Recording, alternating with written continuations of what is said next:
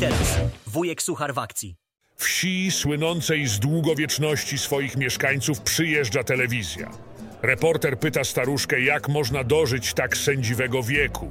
Staruszka odpowiada: Rano gimnastyka, po południu gimnastyka, wieczorem gimnastyka.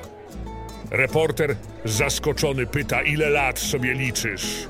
Staruszka odpowiada: 96. Następnie reporter zwraca się do drugiego staruszka i pyta go o jego dewizę.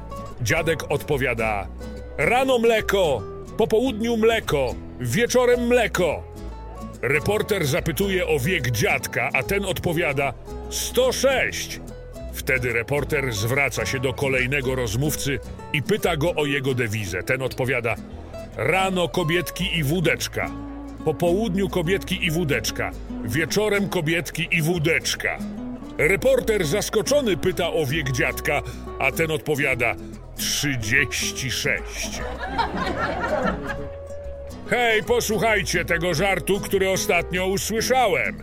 Trzy myszy przechwalały się w barze, która jest większym chojrakiem. Pierwsza mówi: Ja to biorę sobie trutkę na szczury, dzielę na porcje i wciągam nosem. Druga na to odpowiada: Ja odbezpieczam pułapki, kładę się i wyciskam na klatę. A trzecia myszka, która do tej pory nic nie mówiła, szykuje się do wyjścia.